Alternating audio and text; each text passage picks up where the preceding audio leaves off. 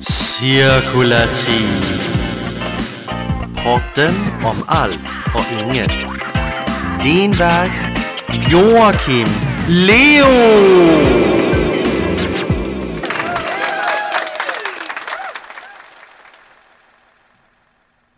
Psykisk ohälsa, det rör oss alla.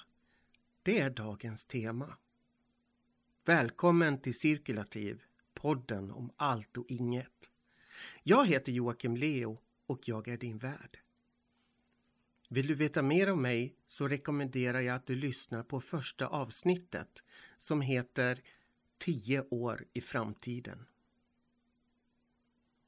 Jag var hur frisk som helst, en vanlig liten pojke med kroppsliga problem som visade sig vara en medfödd sjukdom som heter Ehlers-Danlos syndrom. Tänka sig vad så lite man vet om kroppen egentligen.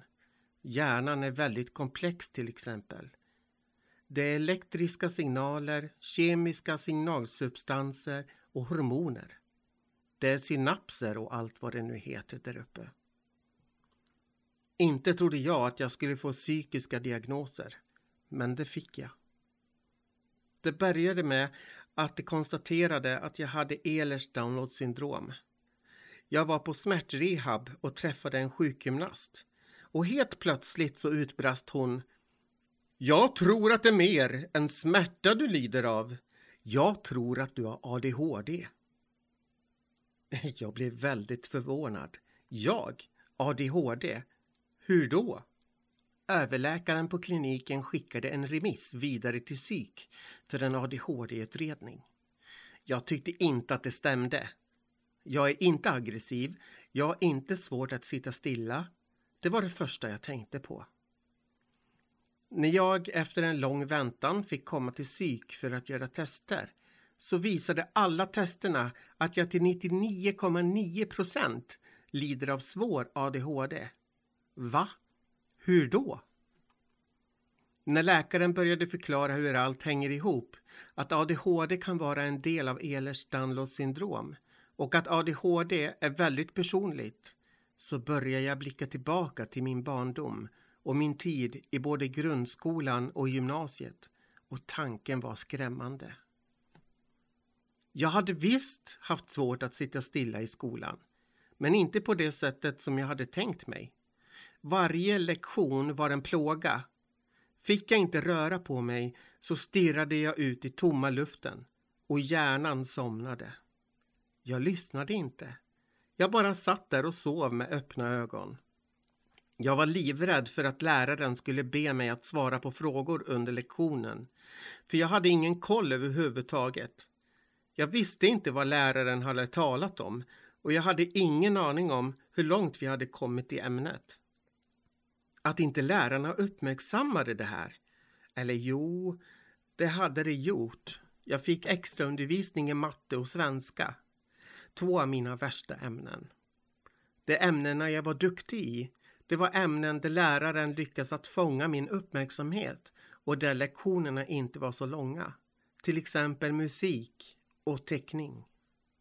Jag började även förstå att jag hade svårt med längre ögonkontakt och ibland var min hjärna hyper och ibland så sov den.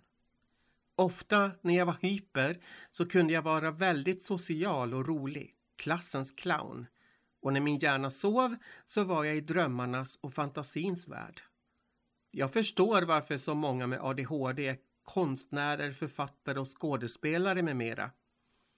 När hjärnan sover så drömmer man sig bort till en fantasivärld och när hjärnan är hyper så uttrycker man den på olika sätt. När jag var liten så hade jag inga problem med att leka ensam för jag försvann lätt in i denna fantasivärld. Efter flera utredningar så kom det fram att jag även led av bipolär sjukdom. Åh, inte fler diagnoser tänkte jag. Vad ska det här sluta? Jag blev uppmärksammad på att jag växlade mycket i mitt humör och andra känslor. Ena dagen var jag uppåt, glad och spontan. Dagen efter var jag passiv, ledsen och deppad och nere. Desto längre tid det gick, desto djupare blev de depressiva hålen. De dagar då jag var nere. Och det fortgick under ganska lång tid. Jag förstod att mina kemiska processer i hjärnan hade börjat påverka mitt humör mer och mer. Jag hade verkligen lätt för att bli arg under vissa perioder. För min hjärna orkade inte. Orkade inte processa information och att vara i balans. Jag blev rädd. Jag är verkligen psykiskt sjuk.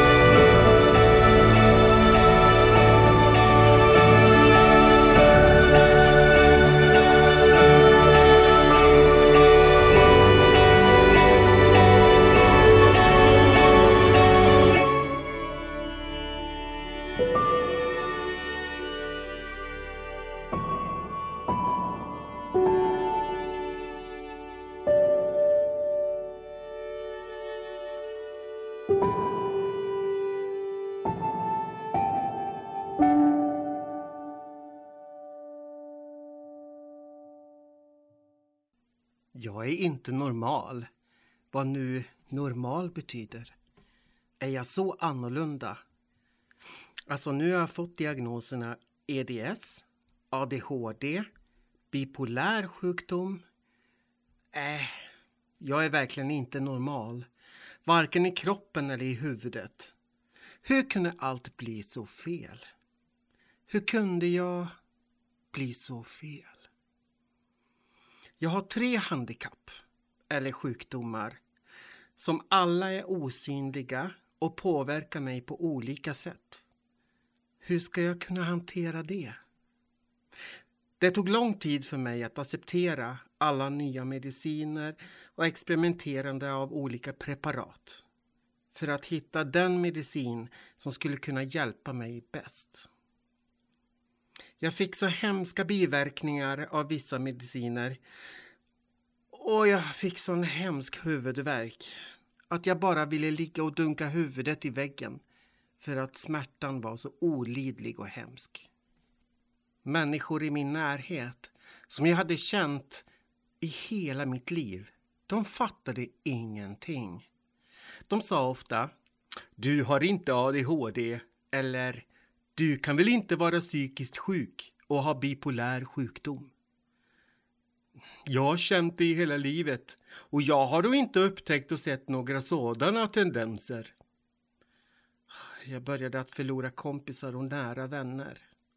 Jag isolerar mig mer och mer. Jag orkade inte med sociala kontakter. Jag förändrades. Från att eh, vara en väldigt social person till att dra mig undan. Jag fick höra att jag hade slutat att bry mig och att jag var egoist. Vad kunde jag annars vara? Jag hade ju en kris. De vänner som stannade kvar var de som jag hade haft på distans via sociala medier. De såg hur dåligt jag mådde. Men de fanns där på något underligt sätt. Ja, så fanns de där, men på distans. Det var de som jag hade umgåtts med på nära håll som försvann. Bland annat min dåvarande bästa vän som jag hade känt sedan jag var liten. Tyckte att jag hade blivit en stor egoist och bara tänkte på mig själv. Vad skulle du själv ha gjort om du var i min situation? Min pojkvän försökte att förstå men det var svårt för honom att sätta sig in i alla mina sjukdomar. För han ville se mig och inte mina diagnoser. Vi hade nyligen blivit ett par så det kunde inte ha varit lätt för honom. Men han stannade kvar. Och nu planerar vi bröllop. Jag har förstått nu att sjukdomarna är en del av mig och jag accepterar dem. Liksom jag accepterar att jag är gay och gillar killar. Jag har inget annat val. Jag börjar må bättre nu och läkarna har börjat hitta rätt typ av läkemedel som tar bort udden av det onda. Men botad, det blir jag aldrig. Jag är psykiskt sjuk. Jag är sjuk i kroppen på grund av EDS. Men jag är jag och jag tänker inte ge upp. Jag är som jag är och människor runt mig måste lära sig att förstå hur jag nu fungerar. Jag är inte längre den person jag var en gång i tiden. Jag har förändrats, både till det bättre och till det sämre. Jag har blivit klokare. Dagens gäst är Angelica Fisk som jag har känt sedan jag fick diagnosen Ehlers-Danlos syndrom. Angelica får presentera sig själv så kan vi påbörja intervjun om psykisk ohälsa. Det rör oss alla. Hej, mitt namn är Angelica. Jag är 42 år och bosatt i Skövde med min lilla familj. Jag har två barn, en flicka och en pojke och en sambo. Ja, vad trevligt. Mm. Vad tänker du på när du hör ordet psykisk ohälsa? Tabu, tystnad, förminskande av individ, övergrepp, osynlig och utsatt för maktutövning. Psykisk ohälsa är inget du föds med, utan individen blir utsatt på ett så hårt sätt där den kemiska sammansättningen i hjärnan förändras. Och när det väl sker så är det väldigt svårt att åtgärda. Jag tror inte att det finns starka och svaga individer när det kommer till psyke. Utan hur väl den individen blir uppfångad när något traumatiskt händer. Mm. Ett trauma är inte beroende på här, storlek eller, utan, utan på effekten och reaktionen hos individen. Mm. Ja, det tror jag också faktiskt. Det, det, har ju så mycket att göra med kemiska signalsubstanser och hormoner och, och elektriska signaler uppe i hjärnan och så blir det rubbningar och så är det jättesvårt att få dem där att, att nollställas och, och bli normala igen utan mm. eh, tyvärr är så när man väl hamnat där så är det svårt att ta sig ur det. Ja. Mm. Har du egen erfarenhet av depressioner eller psykisk ohälsa? Jag har flera anhöriga som lider av psykisk ohälsa och genom det har jag fått se vårdens framsida och även den där baksidan som man sällan pratar om. Mm. Vården är bra när den funkar men ofta så finns det inte en så bra vård för individer med psykisk ohälsa. Mm. Lösningen är ju allt som oftast mediciner istället för att gå in på det här verkliga problemet. Mm. Och man kan nog lösa rätt mycket knutar och jobbiga minnen genom att bara försöka hitta när skadan uppkom helt enkelt. Man glömmer inte det men man kanske får chansen att se förloppet och möjlighet att bearbeta. Mm. Att sen gå vidare kanske. Det är just att eh, det är som personalbrist inom psykvården också. Eh, Mm. Det har jag egen erfarenhet av. Och det är väldigt, väldigt långa väntetider för att få terapi. Eh, Ja. Och under den där tiden man väntar så den tiden är olidligt jobbig. För att eh, man Ja. vet att man ska få hjälp men man vet inte när den kommer. Ehm, Och det tycker jag har varit en stor nackdel. Mm. Så till slut så gav min läkare tipset att det finns numera internetbaserad terapi. Eh, Så man kan via nätet få hjälp eh, så gott som gratis Mm. eh, med KBT-terapi bland annat. Och Mm. han sa så senast jag träffade honom att eh, det är sådana långa väntetider och det är så många som väntar så de eh, faktiskt ger tips till internet nu för tiden för att eh, det finns nästan inget bättre alternativ idag. Eh, men det är bra att det finns någon typ av alternativ kan väl Ja. jag tycka. Men sen vet inte jag, jag har inte provat själv eh, KBT via internet eller så men och hur bra det fungerar men eh, det är bra att det finns i alla fall. Varför tror du att det är så tabu med just psykisk ohälsa i samhället? För att psykisk ohälsa syns inte. Nej. det är ett problem. Hade du haft en bruten arm eller ett ben så skulle det vara enklare för att då har du helt plötsligt ett synligt gips och du har en röntgenbild som visar att jo men här, här har vi en fraktur. Mm. För då kan man se liksom att skadan finns där. Mm. Det är det som är problemet med psykisk ohälsa, det är att det syns inte och man behöver synliggöra och sprida kunskapen Mm. om att det som inte syns kan göra minst lika ont, inte mer än en faktisk fraktur i vissa fall. Ja, gud ja. Mm. Absolut, jag håller med dig till 100 procent. Och mm, det är svårt att också sätta diagnos på psykiska sjukdomar. De går ju ofta efter sina tabeller och de går efter sina utredningsprotokoll och prickar av saker när man berättar själv och, och sådär. Och sen kommer de kanske fram till en diagnos men Mm. det är inte lätt. Det är ju inte den lättaste typen av sjukvård kan man ju inte säga. Där man har en fraktur och man kan sätta ett gips och man, man blir läkt. Mm. Utan det tar ett tag också att få en diagnos. Det tar ett bra tag faktiskt. Om man Mm. inte har några tydliga symptom. Precis. Ja. Ehm, sen tidigare i, i podden så har jag pratat lite grann om hur, hur vänner kan reagera på att ens kompis eller anhörig får psykisk ohälsa. Och eh, hur skulle du själv reagera ifall din bästa vän skulle bli psykiskt sjuk och börja ta avstånd ifrån dig? Skulle, hur skulle du reagera på det? Jag skulle bli jättesorgsen, upprörd och känna mig övergiven och försöka och liksom vara ett stöd ändå utan att vara påträngande. För då Mm. har man gjort ett sånt val. Då har man gjort det av en anledning, tänker jag. Och då kanske det är det bästa för individen. Mm, Men det skulle vara otroligt sorgligt. För att man vill ju alltid vara det bästa stödet. Eller jag vill gärna vara det i alla fall. Utifrån situation och hur mycket man kan hjälpa till. Så Mm. att jag skulle nog bli väldigt ja, sorgsen, uppgiven. Ja, det är inte lätt alltså. Det är, ehm, jag får nästan gråten i halsen när du pratar om det för att jag känner igen mig själv så mycket i det du säger. Att eh, samtidigt som det är ett rop på hjälp så är Mm. det samtidigt så vill man isolera sig för att man orkar inte med sig själv och då orkar man heller inte med sin omgivning. Så att man vill gärna ta liksom ett steg tillbaka och gömma sig men det är kanske just då som man behöver sina vänner som mest. Det tror jag. Ja. Jag tror att det är då när man vill krypa in, in i sitt lilla skal. Mm. Det är då man behöver vara med människor.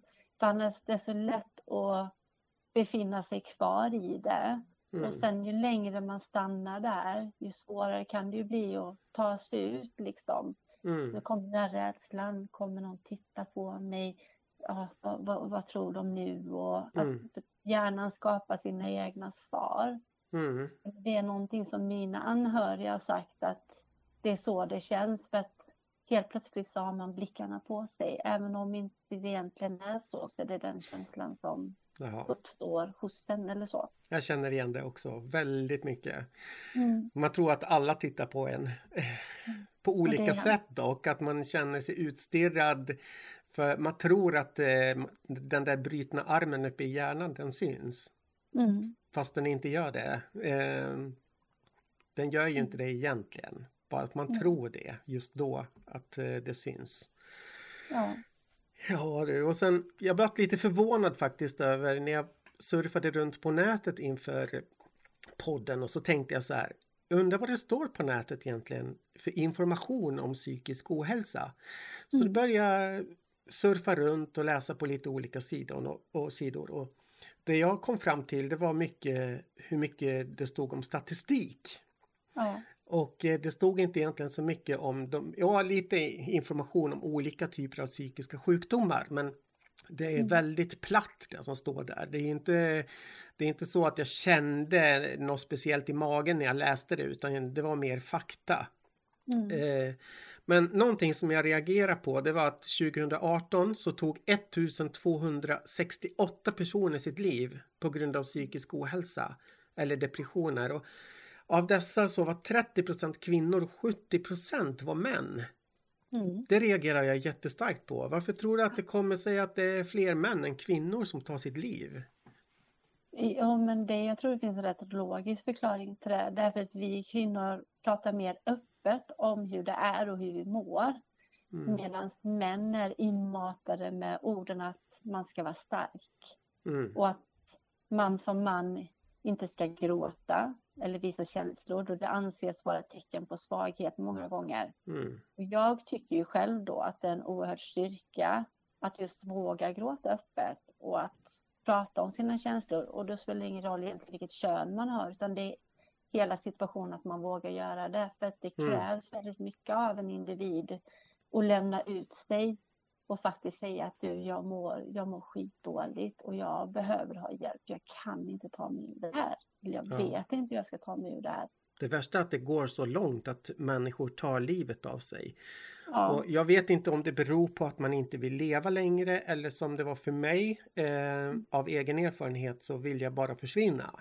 Det hade ingenting med döden i sig att göra utan jag ville bara inte finnas mer. tror du inte det handlar mycket om att inte man orkar?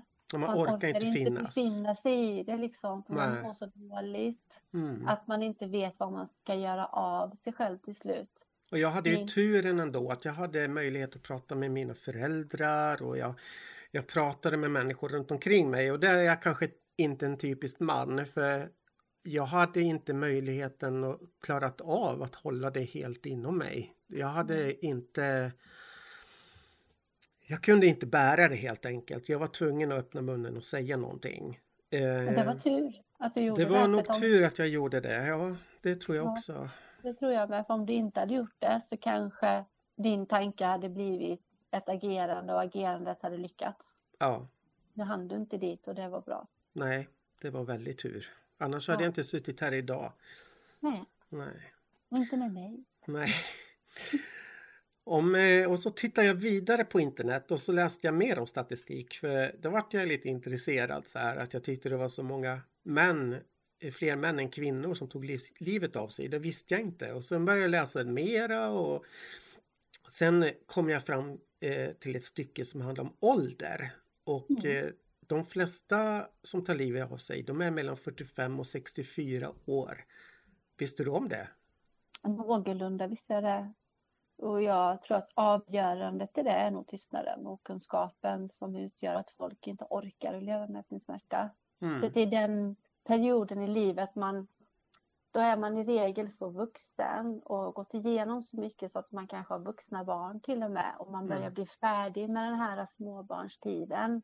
Mm. Och det är kanske då man börjar reflektera över vad man kanske skulle ha gjort bättre och vad man har misslyckats i. Det är många som pratar om att de går in i livskriser när man fyller till exempel 40 och 45 och så vidare och så vidare. Mm. Så jag vet inte hur mycket som hänger ihop med ja, Alltså, man jag tycker...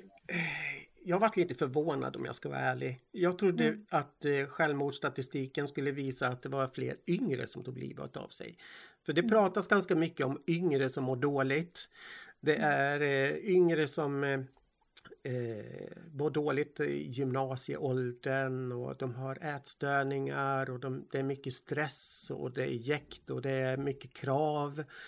Mm. Och, så jag trodde verkligen att det skulle vara i de yngre åldrarna som eh, statistiken skulle säga självmorden är. Men eh, nej, det var alltså från ungefär 45 till 64 år.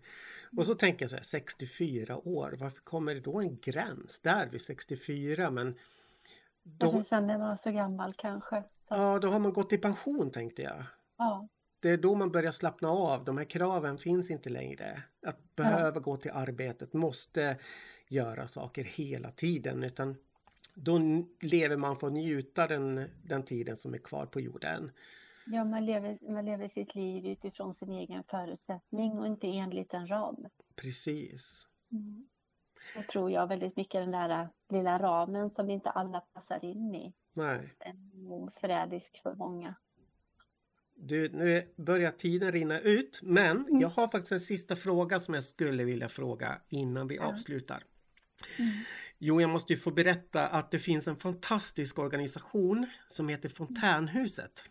Mm. Där personer med psykiska diagnoser och som är sjukskrivna, sjukskrivna eller arbetslösa mm. får komma dit och så får de en arbetsrelaterad dag med rutiner och så får de möjlighet att träffa andra som är i samma situation och kanske har samma diagnoser.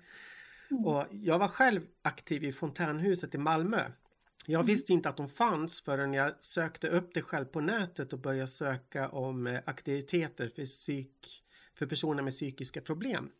Mm. Och eh, då upptäckte jag Fontänhuset som är en, faktiskt en ganska stor organisation som finns i hela världen. Och den finns eh, även på ganska många ställen i Sverige och den finns mm. även eh, i USA och i andra länder. Och eh, mm. i USA så har de bland annat en eh, ett stort lantbruk som de eh, driver tillsammans. Helt ideellt kan man säga för man får inte lön för att komma till fontänhuset utan man är där för att eh, eh, ja, få en arbetsrelaterad dag och man gör arbetsuppgifter. Man börjar mm. på morgonen, är med på morgonmöte och sen får man gå till sin arbetsplats. Och min okay. arbetsplats, det var på en redaktion där jag fick sända radio, jag fick skriva olika eh, inslag och så fick jag sända dem sen en gång i mm. veckan. Och vi hade även eh, en tidningsredaktion och vi hade professionellt restaurangkök där de sålde mat varje dag i en restaurang. Eh, mm. Så på olika ställen i Sverige har de olika typer av aktiviteter. Mm. Och visste du att fontänhuset fanns? Nej, det visste jag faktiskt inte. Men Nej. det känns rätt bra att det finns för att då det behöver verkligen komma ut tror jag. Den där lilla klicken med människor som bryr sig om att fånga upp de här som inte mår bra. Och de som ja. verkligen behöver ha stödet och få en, en känsla av att behövas också och inte bara vara i vägen. Och sen att det är i, i, alla var i olika åldrar och man hittar alltid ja. någon som var i samma ålder som en själv, ungefär med samma ja. erfarenheter och man kunde diskutera ja. sjukvården och man kunde diskutera allt möjligt som rör sjukdomen i sig. Och det var fantastiskt alltså. Jag måste ju säga att det är bland det bästa jag råkade ut för när jag mådde som sämst och mm. kom till fontänhuset och hur jag lyftes liksom. Mm. Mm. Hur, hur jag kände att jag blev en i gänget. Jag, jag fick en eh, plats att vara på och där fick jag må dåligt. Ja, och jag fick komma när jag ville, jag fick gå när jag ville. Eh, mm. Det var alltid öppet så man mm. kunde komma dit på helger, vardagar. Eh, mm. Man kunde fira jul, midsommar tillsammans ifall man ville. Det fanns ja. alltid möjlighet liksom för alla ja. att vara med. Och det, jag måste ju säga att det var ett otroligt ställe. Så det rekommenderar jag dig att eh, du som känner människor som har psykisk ohälsa, ta gärna reda på fakta om fontänhuset. Det ska jag göra. Tala om att det finns. Det ska jag definitivt göra, för jag tror att sånt behövs. Absolut. Och så vill jag tacka dig för en jättebra intervju. Och så hoppas ja. jag att vi hörs snart igen. Tack detsamma. Tack för att jag fick lov att bli intervjuad, säger jag. Det, det var det så bra. lite så. Ha det bra nu. Samma. Hej. Hej! Jag vill tacka vår gäst Angelica Fisk och avsluta precis som vi började. Jag var hur frisk som helst. En vanlig liten pojke med kroppsliga problem som visade sig vara en medfödd sjukdom som heter Ehlers-Danlos syndrom. Tänka sig vad så lite man vet om kroppen egentligen. Hjärnan är väldigt komplex och avancerad till exempel. Det är elektriska signaler, kemiska signalsubstanser och hormoner. Det är synapser och allt vad det nu heter där uppe. Ett stort tack till producenten Cornelius Hoffman och studion Ubis Broadcast. Du hittar oss på Facebook och på www.cirkulativ.wordpress.com. Vill du vara gäst i podden eller vill nå oss så finns vi på nummer 076 934 95 86. Ta hand om varandra och så hörs vi snart igen.